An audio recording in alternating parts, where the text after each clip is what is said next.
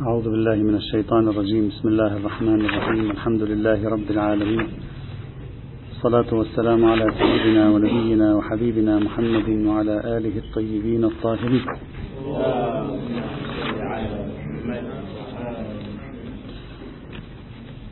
كنا بصدد تحليل الحالة التاريخية أو الوضع التاريخي المتصل بمدرسة قد يقال بأنها مدرسة إمامية كانت تؤمن بالقياس وأن ذروة هذه المسألة وصلت إلى ابن الجنيد الإسكافي. ذكرنا التحليل الأول الذي ذهب إليه بعض العلماء احتمله بعض العلماء كأبي علي الحائري و احتمله أيضا صاحب روضات الجنات. ورأيت أيضا أن الشيخ سبحاني أيضا في مقدمة موسوعة طبقات الفقهاء قد احتمله. وهو أن ابن الجنيد لم يكن مؤمنا بالقياس فقد كان يستخدمه للاحتجاج على الآخرين. وناقشنا هذا هذه الفرضية. الفرضية الثانية ما طرحه السيد بحر العلوم وتبعه على ذلك جماعة منهم العلامة المامقاني ومنهم السيد الخوئي أن ابن الجنيد كان يقول بالقياس وفي الوقت عينه هو معذور وفي الوقت عينه اليوم القياس من الضروريات. وأيضا بالأمس ناقشنا هذه التركيبة الثلاثية التي قالها السيد بحر العلوم بعدة ملاحظات. المحاولة الثالثة.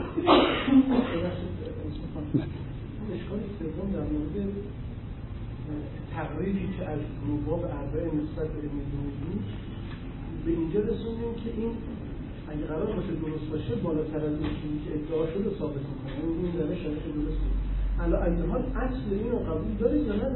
نعم أنا قلت قلت قلت على الاحتمال الثاني وهو الاحتمال الأرجح أن الإمام والسفراء لا يعلم أنهم متعهدون التصدي لهذه الأمور في الطائفة. ما معلوم. هي حالات خاصة ربما لخصوصية معينة حصلت. لا يعلم أنها كان قاعدة عامة ومنهج عام لهم أنهم متصدون لكل آه، فكرة لكل تحول ولو كان كبيرا في الطائفة. ما معلوم.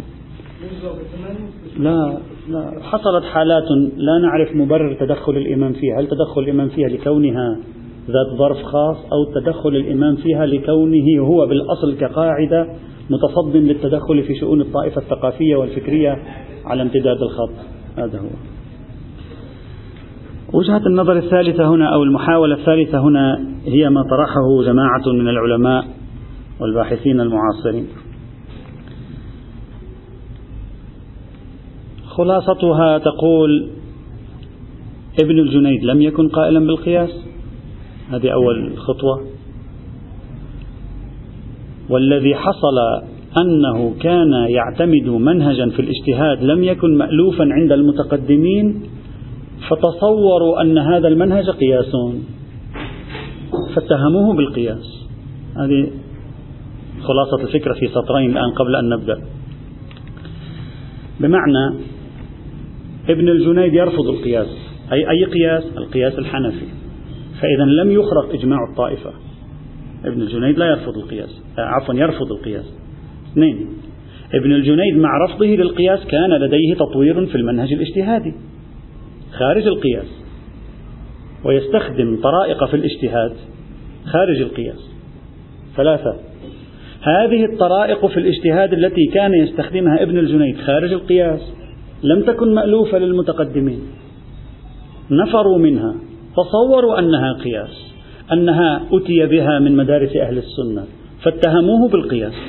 أربعة هذه المناهج التي اتهم عليها الرجل أنه كان يقول بالقياس وهي لم تكن قياس اليوم يقول بها العلماء.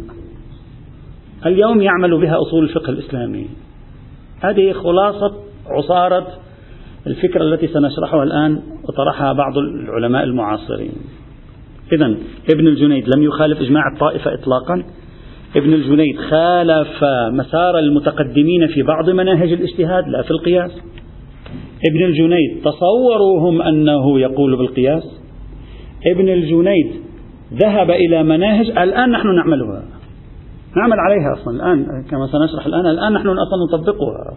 يعني الآن لو بعث أنا أريد أن أشبه. لو بعث الشيخ المفيد والسيد المرتضى ومثلا الشيخ الطوسي ومشايخ الشيخ النجاشي ونظروا إلينا للوهلة الأولى سيقولون نفس ما قالوا عن ابن الجنيد. لكنهم مخطئون. هذه هي القصة. لا نحن نقول بالقياس لا ابن الجنيد كان يقول بالقياس وكلنا متفقون على رفض القياس. هذه هي خلاصة المحاولة.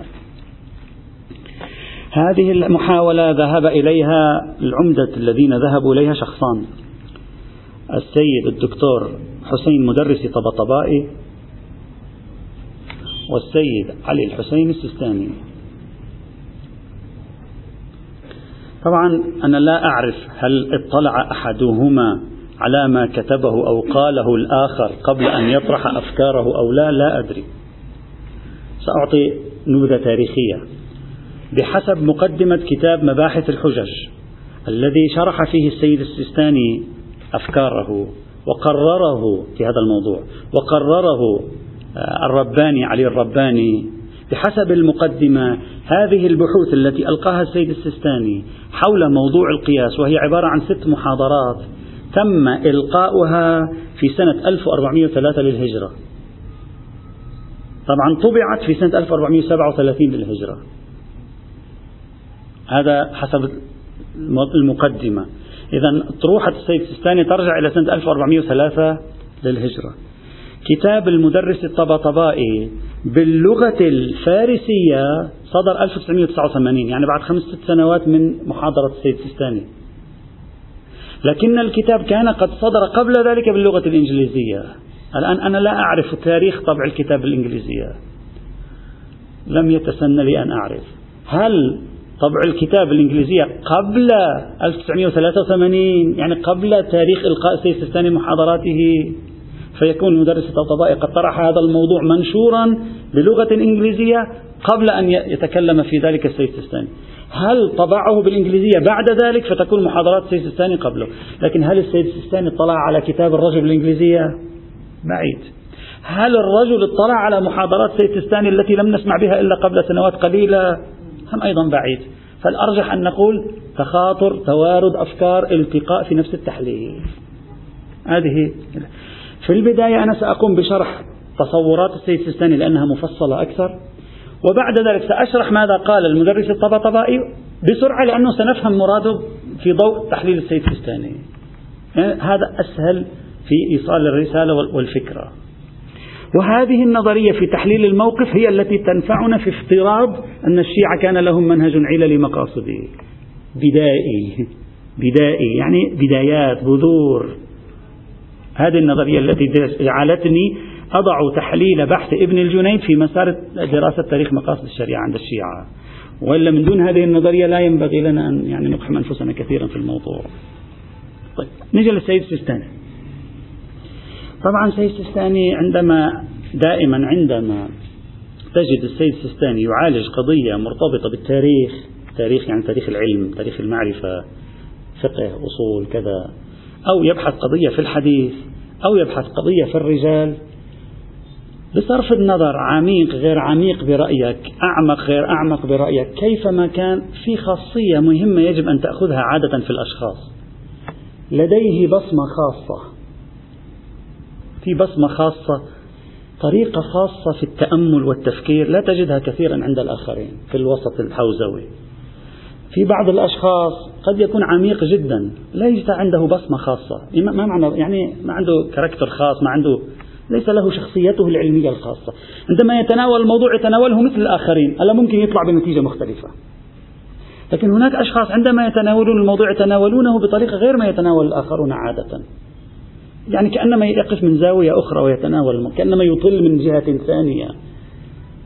هذا يعني أنك عندما تقرأه مباشرة من طريقة تحليله تقول هذا فلان.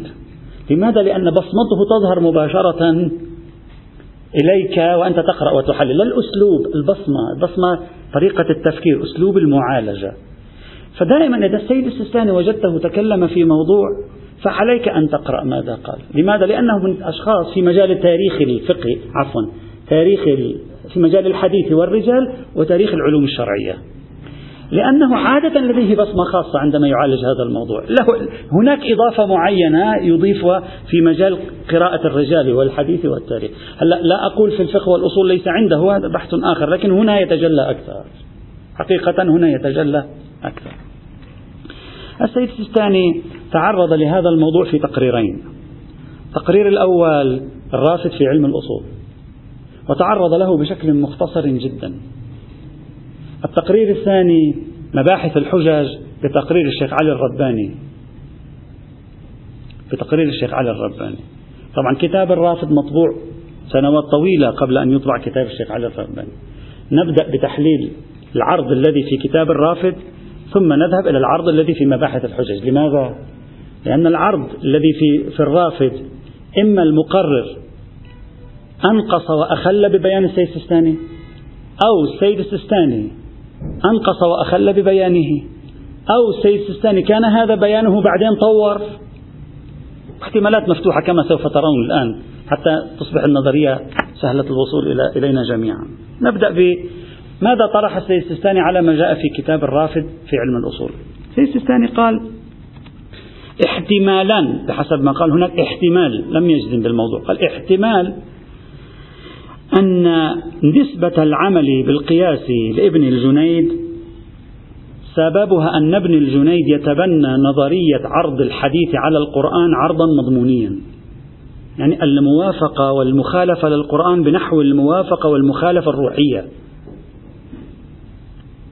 ما معنى هذا الكلام؟ يقول لأن الفقهاء اعتادوا إذا أرادوا أن يعرفوا أن نصا حديثيا موافق أو مخالف للقرآن يأتوا للحديث ثم يبحثوا عن آية بعينها أو عن رواية عن آية بعينها تعارض بنحو التباين الكلي أو الجزئي هذا الحديث فيقولون يطرح مورد التباين أما في الموافقة والمخالفة المضمونية للحديث نأتي بالحديث لا نبحث عن آية بعينها نبحث في القرآن بأجمعه عن نفس الموضوع الذي يتكلم فيه الحديث.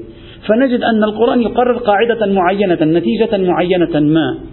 فنعرض النتيجة التي تمثل روح النص القرآني نعرض هذا الحديث عليها فنقول يوافق نأخذ به يخالف نطرحه.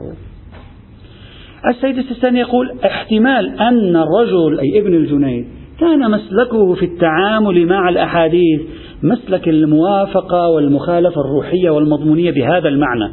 أي بالمعنى الذي نسميه اليوم بحسب تعبير السيد السيستاني النقد المضموني للخبر.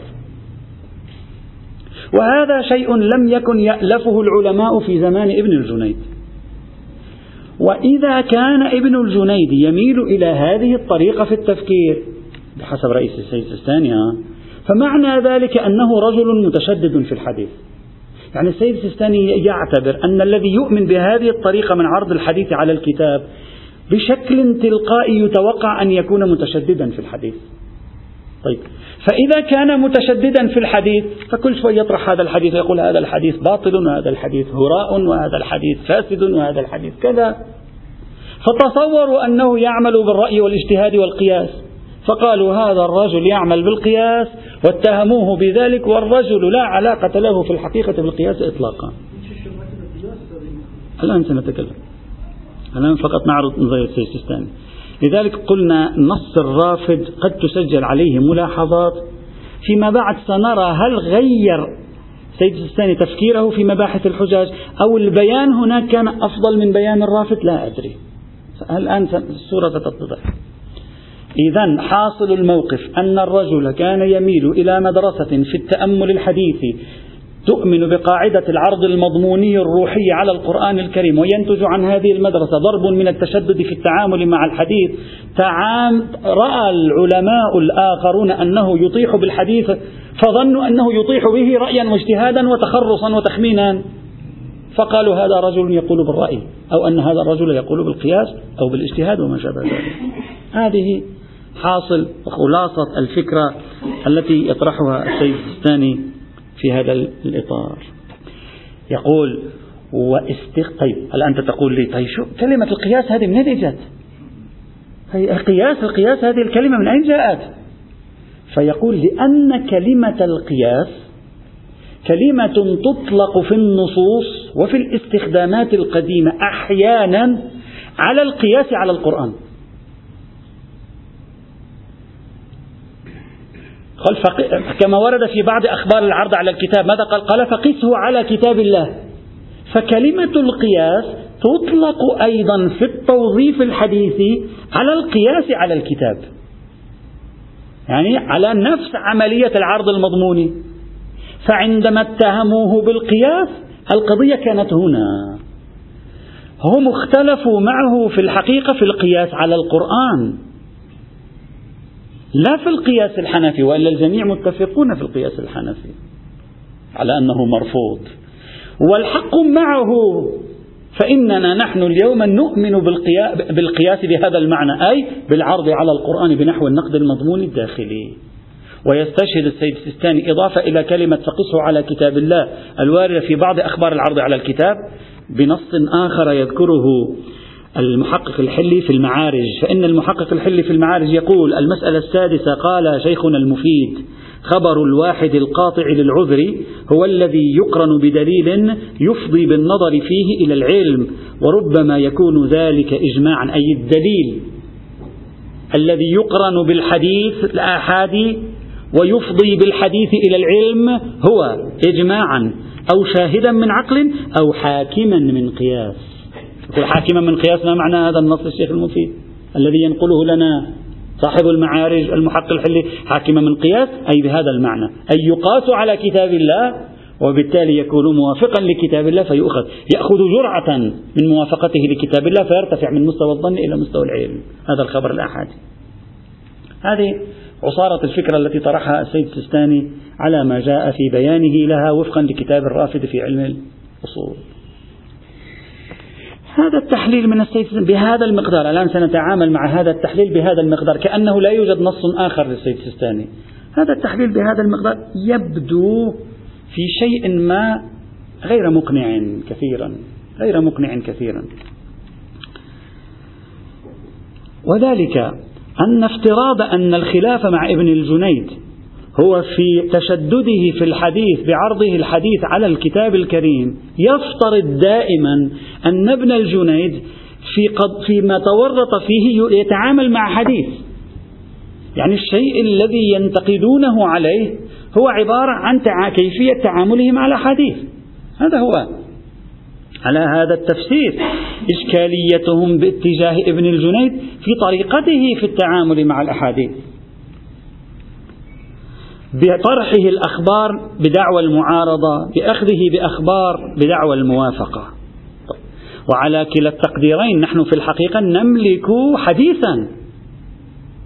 يعني في الحقيقة نحن على كلا التقديرين نملك حديثا حديثا قواه ابن الجنيد أو حديثا ضعفه ابن الجنيد بملاك النقد المضموني الداخلي. يعني دائما لما نريد أن نقول ابن الجنيد يقيس لابد أن يكون هناك حديث وتعامل معه ابن الجنيد بطريقة ما فقال المتقدمون أنت تورطت بالقياس. هكذا مقتضى الكلام. هل هذا يتناسب مع النصوص التي رأيناها سابقا في اتهامهم له؟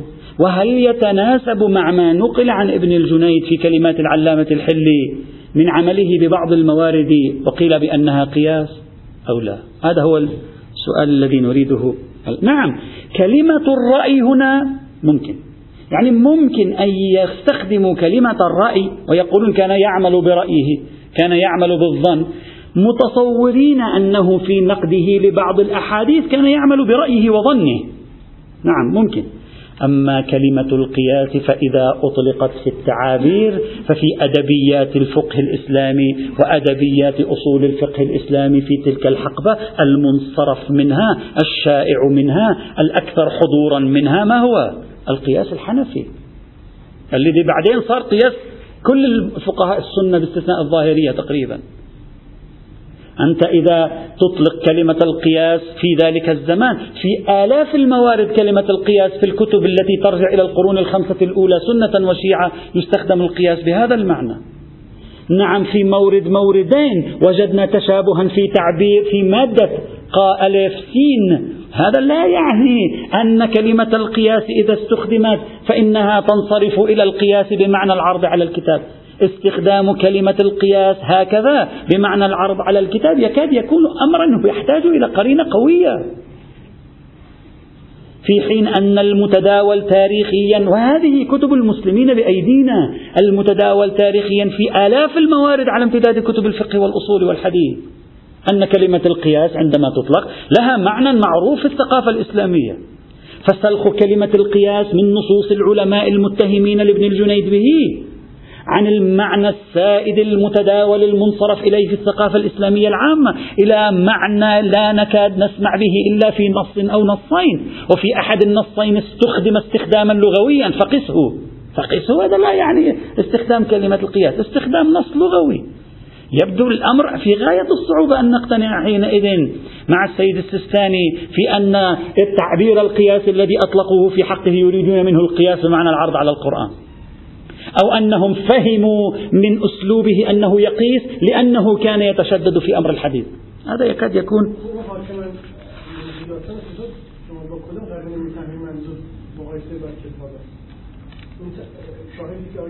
أولا هذا الشاهد لم نعثر عليه في كتب الشيخ المفيد لذلك السيستاني نقله عن المحق الحلي. ثم لنفترض أن حاكما من قياس قياس مشروع لأن هناك بعض الأقيسة التي يقبلون بها. حاكم من قياس قياس مشروع. لا بأس نقول قياس والإمامية تؤمن بالأقيسة ببعض الأقيسة المشروعة. حتى في ذلك الزمن سيأتي. وما يكون هذا معناه مرجح. أو يكون مراده بالقياس ضرب من الاعتبار. وهذا نحن نستخدمه من, من, من ألف عام إلى اليوم. نقول مرجح, مرجح يترجح هذا الأمر بالاعتبار. والاعتبار أي أن العقل أو الذهن أو بمقايسة الأشياء لبعضها ربما يتقوى هذا الاحتمال. هو يتحدث عن خبر الواحد لا يتكلم عن قياس. ثم هذا نص يتيم لا يمكن من نص يتيم أن أسلخ كل ذلك المعنى عن الكلمة المعروفة في تاريخ المسلمين. أسلخ عنها ذلك المعنى وأنسب لكل هؤلاء العلماء عندما قالوا يقول بالقياس شيئا من هذا القبيل. تبدو القضية في تقديري في غاية الصعوبة بل بل لو كانت هذه هي تهمة ابن الجنيد ألم يقم بهذه العملية المرتضى نفسه؟ اذهب إلى كتب السيد المرتضى وانظر إلى طريقة تعامل السيد المرتضى والشيخ المفيد. إلى حد ما. كيف يتعاملون مع النصوص؟ هكذا. بهذه الطريقة يتعاملون. سيد المرتضى عندما يأتي إلى رواية البطيخ يقول البطيخ رواية تقول لماذا بعض البطيخ طعمه حلو وبعض البطيخ طعمه مر؟ رواية تقول هذا البطيخ شيعي وهذا سني. عثماني وهذا شيء من هذا الخير الآن لا أذكر. ينزل عليها السيد المرتضى يقول خرافة تخريف هذا. ما يقول به عقل ولا يمكن أن يصدق به عاقل. وله على مثل هذه الشاكلة كثير. فإذا كان كذلك لماذا لم يفعل ذلك مع السيد المرتضى؟ وقد طرح الكثير من الأحاديث بحكم من عقله وبحكم من طريقة عرضه على الكتاب الكريم. يقول هذا مخالف للقرآن. مع أن السيد المرتضى بنفسه شن أعنف هجوم على ابن الجنيد في كتاب الانتصار مكررا ودائما متهما إياه بإعمال الظن والرأي والقياس. وإذا كان هو على هذه الشاكلة وشبيه به لماذا هذه الفجوة العظيمة كانت بينهما؟ لن يبدو لي أن مقاربة السيد السيستاني في هذا الموضوع غير واضحة بل لو راجعنا النصوص التي نقلها لنا العلامة الحلي وهو الشخص الأكثر نقلا عن ابن الجنيد كما قلنا سابقا. لرأينا في بعض الموارد مواضع لا يمكن أن تشتم منها رائحة القياس بهذا المعنى.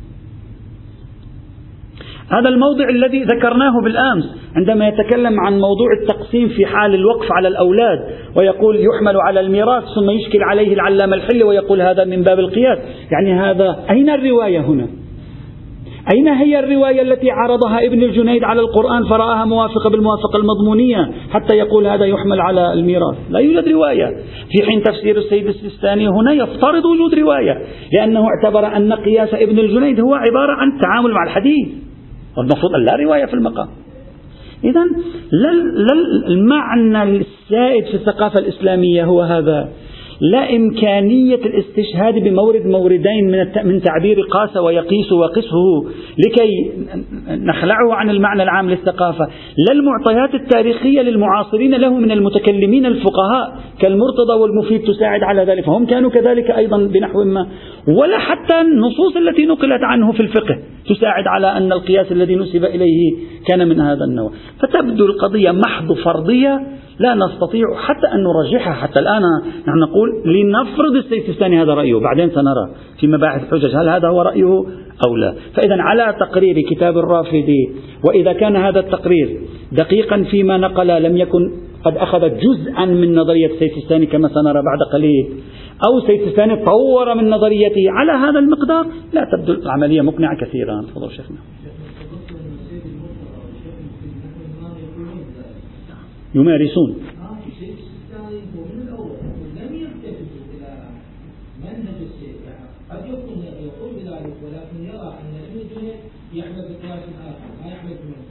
هو إذا كان ابن الجنيد لا ما هو خلينا نحلل ماذا يريد السيد السيستاني. السيد السيستاني يريد لما اتهم بالقياس قصد من كلمة القياس هذا المنهج. يعني السيد المرتضى لما يقول هذا الرجل يقيس يفهم من كلمة يقيس هذا المنهج. وهذا المنهج هو يمارسه ليش عمل عليه؟ مش أنهم تصوروه يقيس قياسا حنفيا وهو يمارس نقدا مضمونيا. لا ليس هذا مراد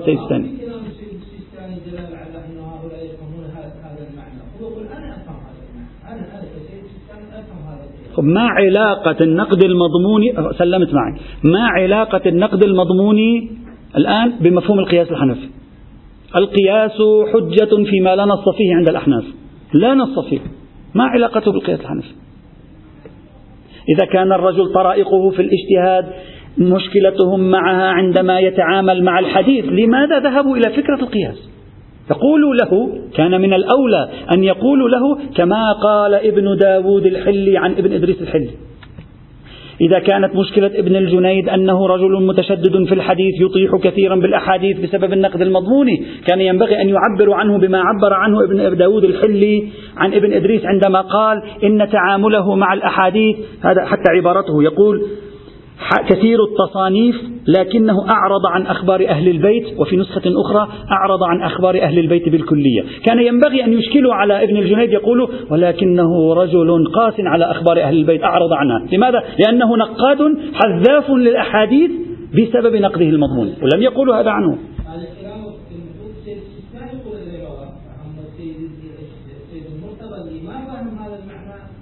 لا. ماذا فهم السيد المرتضى؟ أنا أسألك ماذا فهم السيد المرتضى؟ كيف نتج عن شخص ينتقد الأحاديث فكرة القياس؟ أنا أنا أسألك الآن كيف نتج عن شخص ينتقد الأحاديث فكرة القياس؟ ليس فكرة الاجتهاد والرأي مطلق الظن مطلق الظن ممكن لكن فكرة القياس. شخص أمامي كلما سألناه عن عن حديث يقول ضعيف السند.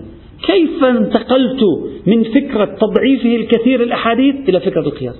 ما كمان لابد لي أن أبرر هذا الاشتباه العام الذي حصل في الطائفة تجاه ابن الجنيد بحسب رأي سيد الثاني كيف لي أن أبرره؟ كيف انتقلوا من نقاديته للحديث إلى قوله بالقياس الذي هو عبارة عن أداة اجتهادية فيما لا نص فيه؟ هو هذا السؤال. هذا لم يشرحه لنا السيد السيستاني. لو كان القضية على هذه الشاكلة كان ينبغي أن يحملوا عليه إنك رجل متهاون بأمر الحديث تترك أحاديث أهل البيت كما فعل ابن داود الحلي مع ابن إدريس بسبب قول ابن إدريس بعدم حجية خبر الواحد. هكذا أرجح. ومن هنا أحتمل أن الأمر على هذه الشاكلة إما تقرير الرافد غير واف أو السيد السيستاني بيانه الذي نقله إلى مقرر الرافض غير واف. أو السيد السيستاني كان هذا تصوره ثم طور تصوره إلى البيان الثاني الذي سيأتي معنا الآن. فالعمدة هو البيان الثاني. هذا فيما يتعلق بالتقرير الأول لنظرية السيد السيستاني في موضوع عمل بعض الطائفة بالقياس. التقرير الثاني. ما جاء في كتاب مباحث الحجاج للسيد بتقرير الرباني. سأوضحه باختصار شديد. حاصله يبدأ السيد السيستاني في البداية بتقديم تعريف أولي للقياس. أرجو أن تبقوا معي لأنه في خطوة خطوة مشى فيها حتى نصل إلى تركيبة القضية. في البداية يقول القياس هو كذا وكذا. تعريف بسيط لا لا يخوض في تعريف القياس يعني هو ليس بصدد هذه القضية على ما يبدو. تعريف بسيط لموضوع القياس. ثم يقسم القياس إلى قسمين اختراعي واكتشافي أو استكشافي. ما معنى ذلك؟ يقول القياس الاختراعي أن يأتي الفقيه ليستنبط حكما ليثبت حكما في شيء لا نص فيه في شيء لا نص فيه ليأتي الحكم بعد استنباطه يعني كأنما هو القياس المربوط بالتصويب يعني ما عندي حكم. مش أنه صدر حكم في الشريعة صدر نص في الشريعة ولم يصلني فأنا أستخدم القياس لمعرفة الحكم الذي صدر ولم يصلني. لا. أصلا لم يصدر حكم في هذه القضية في الشريعة بعده أصلا لم يتكلم النبي عن هذا الموضوع. أصلا القرآن لم يتكلم عن هذا الموضوع. فأنا آتي أستخدم القياس. بالقياس أثبت حرمة باء. بعد أن أثبت حرمة باء يكون حكم الله في الأمر حرمة باء. فيسميه السيد السيستاني القياس الاختراعي. وبعد قليل سيأتي أن السيد السيستاني يعتبر أن الكثير من روايات القياس عند الشيعة أي الناهية عن القياس عند الشيعة يراد منها القياس الاختراعي فقط. بعد قليل سنتكلم يقول السيد السيستاني القياس الاختراعي باطل جملة وتفصيلا كبرى وصغرى. أولا القياس باطل ثانيا مبني على أن الشريعة ليست شاملة. والشريعة شاملة. لأن أنت تقول يعني النبي ما جاب حكم في هذا الموضوع. وهذا معناه أن الشريعة ليست شاملة. و... الشريعة شاملة. الذي يؤمنون بمن العلماء كما قلنا السنة الماضية يؤمنون بال... بال... بال... بنظرية شمول الشريعة وفي نفس الوقت يرون أنفسهم منسجمين مع فكرة منطقة الفراغ. هذا من وجهة نظر ناقدة أما من وجهة نظرهم لا يوجد في ذلك أي تناقض. فإذا بعد تعريف موجز للقياس نقسم القياس إلى قسمين قياس اختراعي قياس اكتشافي. قياس اختراعي مفروض فيه عدم صدور حكم وهذا باطل جملة وتفصيلا. ثم قياس اكتشافي. ما هو القياس الاكتشافي؟ الحكم النص صدر لم يصلني. أريد أن أعرف ماذا قال النص؟ لم أسمع من الرواة شيئا. فأذهب إلى القياس ليوصلني إلى ما هو ذلك الشيء الذي قاله الإمام أو قاله النبي. الآن الآن. آه، آه، يعني آه، هذه مقدمة.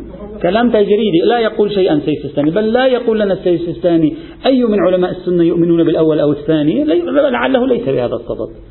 طيب هذا تقسيمه هو هذا تقسيمه هو. ثم يقول القياس الاكتشافي أيضا باطل. فإنه ليس بطريق عقلائي ليش السيستاني يريد أن يؤكد أن القياس الاكتشافي ليس طريق عقلائي هذه نقطة مهمة جدا. لأن أهل السنة في في دفاعهم عن القياس يعتبرون أن طريقة القياس هي طريقة عقلائية أصلا. أنت لو سمعت من شخص ألف حكم ثم في الحكم رقم ألف وواحد لم تعرف رأيه فيه ماذا تفعل؟ تريد أن تطب تعمل تريد أن تنتسب له ماذا تفعل؟ تقول هذا الحكم إما ألف وإما باء. ألف تشبه الأحكام التي سبقت. باء لا تشبه. مقتضى انسجام المقنن مع نفسه أن يكون ألف هو الراجح. منطقيا هكذا. السيد الثاني أن يقول كثرة الروايات الإمامية الناهية عن العمل بالقياس ليس مرجعها إلى الردع عن أمر عقلائه بل كثرة الروايات الإمامية الناهية عن العمل بالقياس مرجعها إلى ظهور القياس عند أهل السنة في القرن الثاني الهجري. لا إلى عقلائية القياس. يعني يريد أن يلغي موضوع عقلائية القياس. لأنك إذا جعلت القياس عقلائي في مشكلة سوف تخلقها لنا. لأنك ستنظر في النصوص ستأخذ منها القدر المتيقن وغير القدر المتيقن سيبقى حجة بالسيرة العقلائية. يعني ستستخدم السيرة العقلية كدليل حجة ما لم يأتي ردع السيد يريد أن يلغي هذا الموضوع من أصله. فقال لا. إذا عرفنا القياس. قسمناه إلى اختراعي اكتشافي اختراعي باطل اكتشافي أيضا هم صار باطل. بعد ذلك يأتي السيد السيستاني لعرض الشواهد الموجودة في كتب الحديث والرجال والتاريخ على أن هناك من كان يعمل بالقياس في القرون الهجرية الأربعة الأولى بين الشيعة. يجيب الشواهد. ذكرنا بعضها وبعضها ما ذكرناه أيضا نحن. معروفة. طيب. ثم يقول بل إن بعض الشواهد تدل على أن بعض علماء قم وابن الجنيد كانوا يقولون بأن أهل البيت يعملون بالرأي. مش بس القياس جائز. أهل البيت يعملون بالرأي.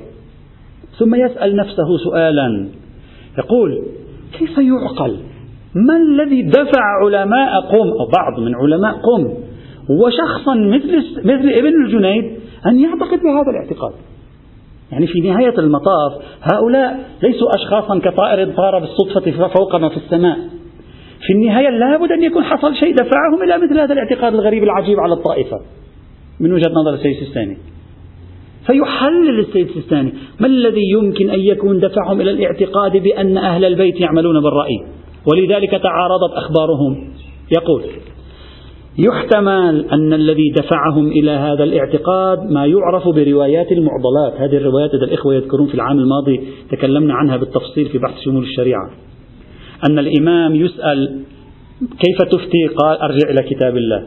فإن لم يكن كتاب الله فيقول الإمام ما قاله النبي. يقول فإن لم يكن ما قاله النبي قال أرجم أرجم يستخدم كلمة الرجم. قال فلعلهم فهموا من كلمة الرجل مدلول الرجم مدلولها اللغوي. هي ست روايات اسمها روايات المعضلات. لعلهم فهموا مدلولها اللغوي وهي الرجم بمعنى الظن. فعندما سئل الإمام حيث لا يكون عندك كتاب ولا سنة ماذا تفعل؟ فيقول أنا أعمل بالظن. ففهموا من روايات المعضلات أن أهل البيت يعملون بالرأي. يقول واحتمل أن يكون هذه الروايات لعبت دورا في ظهور فئة قليلة من العلماء مالت إلى فكرة الرأي والقياس. لأن مالت إلى فكرة أن الأئمة يعملون بالرأي والقياس. مش هم فقط الأئمة. ويقول السيد الثاني روايات المعضلات باطلة ولو صحت باطلة سندا ولو صحت يجب أن نؤولها. لا تنسجم مع القواعد. هذا أول احتمال في أنه لماذا ظنوا أن أهل البيت يعملون بالرأي؟ هذا احتمال الأول. لكنه في النهاية يقول ابن الجنيد بعيد أن يكون اعتمد على روايات المعضلات. القميين ممكن يكونوا اعتمدوا على روايات المعضلات. ابن الجنيد لا صعب. طيب. ثم يقول في احتمال آخر يدفع هذه المجموعة من العلماء أن يعتقدوا باجتهاد الرأي في أهل البيت أنفسهم فضلا عن علماء أهل البيت. يعني علماء مدرسة أهل البيت. ما هو يقول نسبة الرأي للأئمة مرجعها إلى روايات التفويض. ما عندنا نحن روايات أن الله فوض لهم الدين حينما يريدون يكتمونه حينما يريدون يبينونه. يقول لعلهم فهموا من هذه الروايات أن أهل البيت يعملون بالرأي. أو لعلهم فهموا أيضا من بعض الروايات التي تدل على الولاية التشريعية لأهل البيت. أو من بعض الروايات التي تدل على أن الأئمة من حقهم أن يصدروا أحكاما. وهي الأحكام الولائية يقول لعلهم فهموا منها أن أهل البيت يعملون بالرأي يعني يعطون رأيهم حيث لا يوجد حكم ما معنى الحكم الولائي حكم الولائي موجود في القرآن؟ لا، لأن إذا موجود في القرآن ليس حكم ولائي. حكم الولائي موجود في السنة؟ لا، لأن إذا موجود في السنة ليس حكم ولائي. وين موجود؟ موجود في باطن الإمام. يعني يعني رأيه. يقول لعلهم هكذا فهموا من رواية التفويض. وتصوروا أن مرجع تفويض الدين إلى الإمام وصلاحية الإمام في التشريع وفي إصدار الأحكام هو أن الإمام يعمل برأيه وبالتالي نحن من حقنا أيضا أن نعمل برأينا. يقول هذا احتمال آخر. طبعا يقول هذا الاحتمال أيضا معقول جدا وإن كان هم أخطأوا في هذا. طيب. السيد السيستاني بعد أن شرح لنا القياس قسم القياس إلى اختراعي واكتشافي أبطل الاثنين معا رفضهما. ذكر سؤالا قال لماذا آمن هؤلاء باجتهاد الرأي في حق أهل البيت؟ أجاب عنه باحتمالات. ثم راجع إلى السؤال الأصلي قال لماذا حصل هناك اعتقاد عند هؤلاء العلماء بأنه يجوز لنا أن نعمل بالقياس؟ بس أترك أهل البيت. أترك أهل البيت الآن حاليا. نرجع لنا. من أين استنتج هؤلاء أن القياس جائز؟ يعني الآن سيستاني ماذا سيفعل؟ سيسعى لاكتشاف أدلة تثبت حجية القياس. يعني الآن السيستاني ماذا سيفعل؟ في الحقيقة هو سيقوم بحشد أدلة تثبت حجية القياس ويقول هذه الأدلة ممكن أن تكون هي التي رجعوا إليها وبالتالي أخطأوا في ذلك. فاعتقدوا بشيء من القياس. ما هي هذه الأدلة؟ أولا نصوص القياس على الكتاب. الآن أنت شوية راح يصير راح يصير عندك تشوش ها. اترك الآن نص الرافد. اتركه رجاء. اترك نص الرافد خليك فقط مع نص مباحث الحجج. قال نصوص القياس على الكتاب. فربما يكونون قد فهموا حجية القياس من كلمة فقسه على كتاب الله. فانظر إلى شاهد أو شاهدين من كتاب الله. شاهد أو شاهدان يعني واحد يشبهه. هذا قياس. آه. هذا الآن وضح الفكرة. يقول هذا هذا هذا معنى أنه نوع من القياس. انظر فقسه على كتاب الله أو خلي يكون شاهد أو شاهدين من كتاب الله. هذا هو المراد.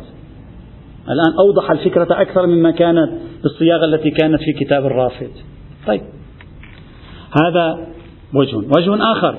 وجود روايات عن الأئمة أنهم هم كانوا يمارسون القياس. يذكر بعض النماذج لا نريد أن نطيل. هم أصلا بأنفسهم كانوا يمارسون القياس. يسأل الإمام مثلا يقول فلان كذا ماذا هو؟ قال يجلد ثمانين جاء إنما هو عندي بمنزلة الزاني مثلا. شو يعني بمنزلة الزاني؟ يعني هو يقيس. هو الإمام عم يقيس الآن. فلعلهم لما استقرأوا نصوص أهل البيت وجدوا أن أهل البيت بأنفسهم يقيسون. بأنفسهم يقيسون. فتصوروا أن القياس حجة. في فهم الشريعة. لعل هذا هو سبب خطئهم في هذا الموضوع. ويقول وقد أخطأوا في فهم أهل البيت فإن أهل البيت ما كانوا يقيسون. ظاهره أنه يقيسون لكن في الحقيقة يبينون الحكم شكل من أشكال تبيين الحكم وليس قياسا هذا. إذا هذا المبرر الثاني الذي يمكن أن يكون قد أوجد نظرية القياس في القرون الهجرية الأولى. مبرر ثالث. بعض الروايات الدالة مباشرة على حجية القياس. يقول توجد روايات يمكن أن يكون قد فهموا منها حجية القياس. مثل رواية وردت تقول وأمر يحتمل الشك والإنكار فسبيله استيضاح أهله لمنتحليه بحجة من كتاب الله مجمع على تأويلها وسنة مجمع عليها لا اختلاف فيها أو قياس تعرف العقول عدله. أو قياس تعرف العقول عدله. يعني إذا أمر التبس علينا ماذا نفعل؟ نرجع إلى حجة قرآنية أو إلى حجة حديثية أو إلى قياس العقول. تعرف أن هذا القياس معتدل منطقي معقول. يقول هذه الرواية لعلها هي التي دفعتهم وأمثال هذه الرواية دفعتهم إلى الاعتقاد بحجية القياس. ويقول لو كان هذا الذي دفعهم للاعتقاد بحجية القياس أخطأوا. فإن هذه الرواية لا يراد من القياس هنا القياس وإنما المراد منها الفطرة. السليمة. قياس تعرف العقول عدله يعني الفطرة السليمة التي يعرف الوجدان صحتها. هكذا يقول سيد السيستاني. المبرر الرابع الذي يمكن أن يكون قد دفعهم إلى الاعتقاد. تصور أن نصوص النهي عن القياس تخص القياس الاختراعي لا الاكتشافي. والسيستاني يقر بأن الكثير من نصوص النهي عن القياس عندنا إنما هي ناظرة للقياس الاختراعي يعني هي التي تعتقد بأنه لم يصدر حكم وأريد بالقياس أن أجعل حكما. طيب ممكن يكون ابن الجنيد رأى الروايات الناهية عن نصوص القياس عن القياس ففهم منها القياس الاختراعي قال أنا ضد القياس الاختراعي. طيب القياس الاكتشافي لا ناهي تجاهه في الشريعة فعمل بالقياس الاكتشافي. هذا ممكن أيضا. يقول هذا معقول. تكون تورطوا في قضية من هذا القبيل.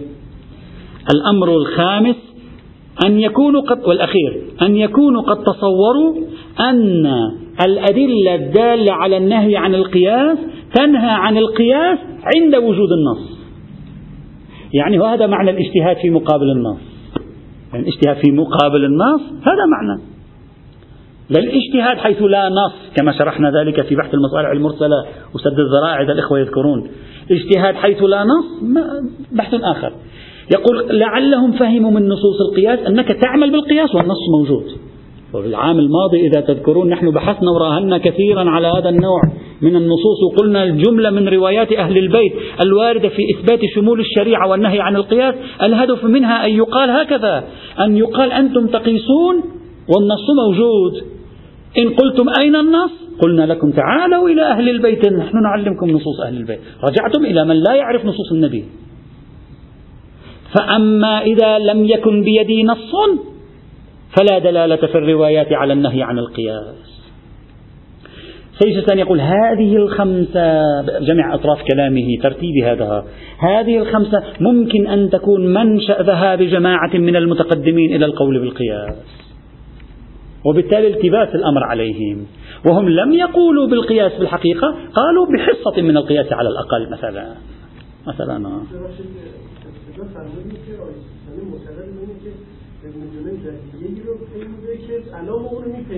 نعم الآن هو بعدين سنناقش السيستاني سنرى ما طرحه السيستاني متهافت متناقض ينقض أوله آخره أو لا. الآن نحن نشرحه.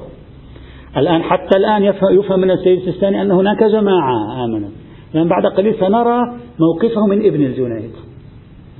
سنحاول أن نرى هل يوجد تناقض في أطراف كلامه أو أن جزء من كلامه في حق جماعة كالفضل ويونس وجزء من كلامه في حق ابن الجنيد؟ الآن سنرى. طيب بعد أن ينهي السيد السيستاني هذا هذا البحث يرجع إلى السؤال التالي.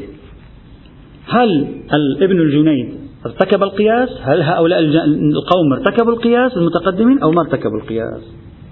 يقول الأصح أن نقول إنهم لم يتورطوا في القياس.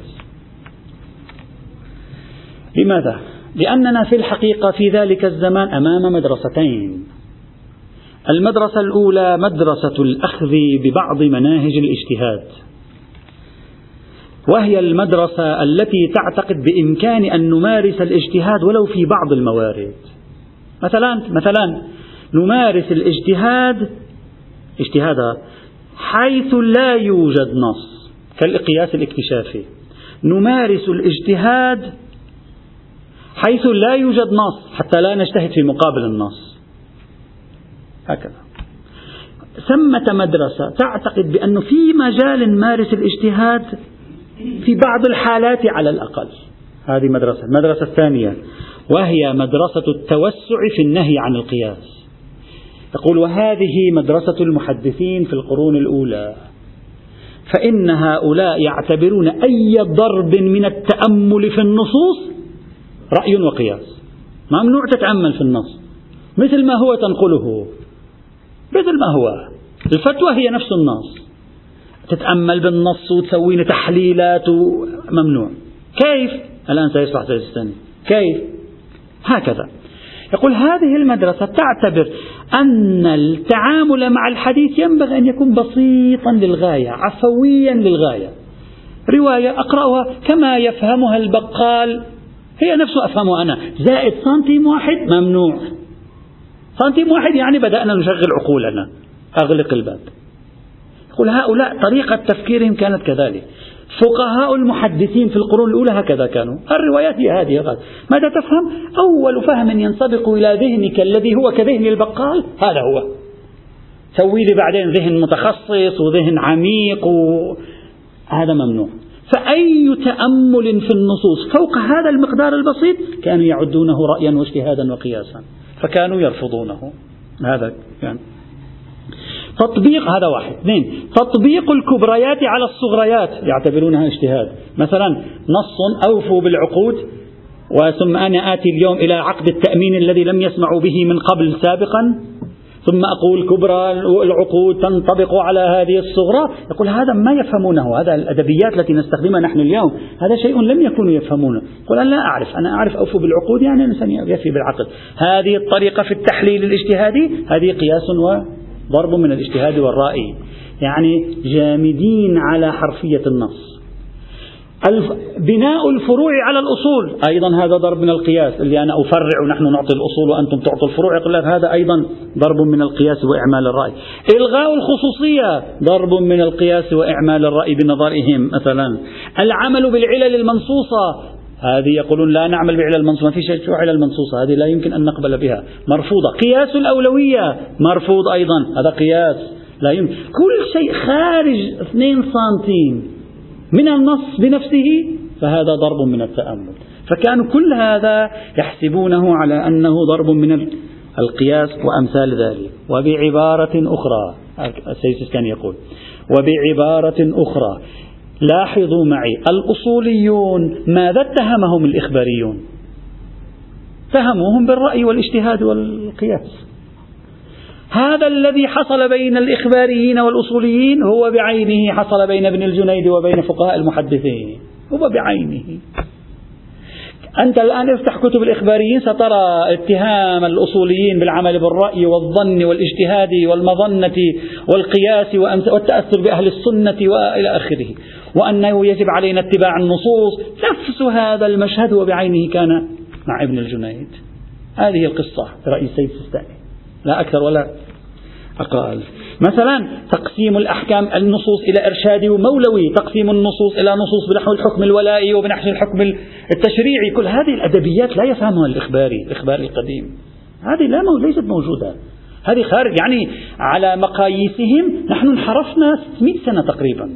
مع العلامة الحلي وابن إدريس هؤلاء هم الذين حرفونا. لماذا؟ لأنهم يستخدمون هذه الطرق. ولذلك سن الإخباريون على هؤلاء أعنف الهجمات.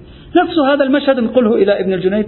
تصبح القضية عندك واضحة لا حاجة إلى تعقيد. والنتيجة؟ وهكذا عرض الحديث على القرآن بنحو العرض المضموني وما شابه ذلك. والنتيجة يرى السيد السيستاني وجود مدرستين. مدرسة متوسعة في التحفظ على إعمال المعايير العقلانية. لا تعمل أي نوع من التحليل والتأمل وهذه هي مدرسة فقهاء المحدثين التي شنت الهجوم على ابن الجنيد. والمدرسة الثانية مدرسة تعتمد الاجتهاد للخروج عن حرفية النصوص بنحو هذه الآليات وهذه هي مدرسة ابن الجنيد وأمثاله. فابن الجنيد لم يعمل بالقياس بالمعنى الذي قيل وإنما عمل بمناهج عقلانية رفضها فقهاء المحدثين الذين كانوا مهيمنين على الاجتهاد الفقهي الشيعي في ذلك الزمان وقبلناها نحن اليوم. الآن نحن كل هذه نقبلها إرشادي ومولوي وولائي وتشريعي وإلغاء الخصوصية وحمل على الغلبة كل هذه نحن نعملها الآن. قياس الأولوية هذه التي نعملها نحن الآن. لو بعثوا من قبورهم لقالوا أنتم ابن الجنيد العصر. هذا هذا خلاصة كلام سيستان بالضبط. فيما يريد أن يشرحه في هذا الإطار. وعليه. فالعلماء كلهم بمن فيهم ابن الجنيد؟ لا يقولون بالقياس. يؤمنون بأصل النهي عن القياس. إنما يقولون بمناهج. اعتقد أنها ضرب من القياس وليست بضرب من القياس دائما. هذا عصارة وخلاصة الطرح الذي قدمه السيد السيستاني بشكل موسع في كتاب مباحث الحجاج. أما ما طرحه السيد حسين مدرسي طبطبائي مختصر غدا غدا الدرسي نذكره في خمس دقائق فقط. ثم نبدأ بالتحليل والتأمل. هل هذه المقاربة التاريخية على روعتها وجماليتها صحيحة غير صحيحة؟ يمكن أن يسعفها شيء. لا يمكن أن يسعفها شيء؟ يأتي إن شاء الله تعالى. والحمد لله رب العالمين. چرا این مقدمات مطرح کرد. مثلا مثلا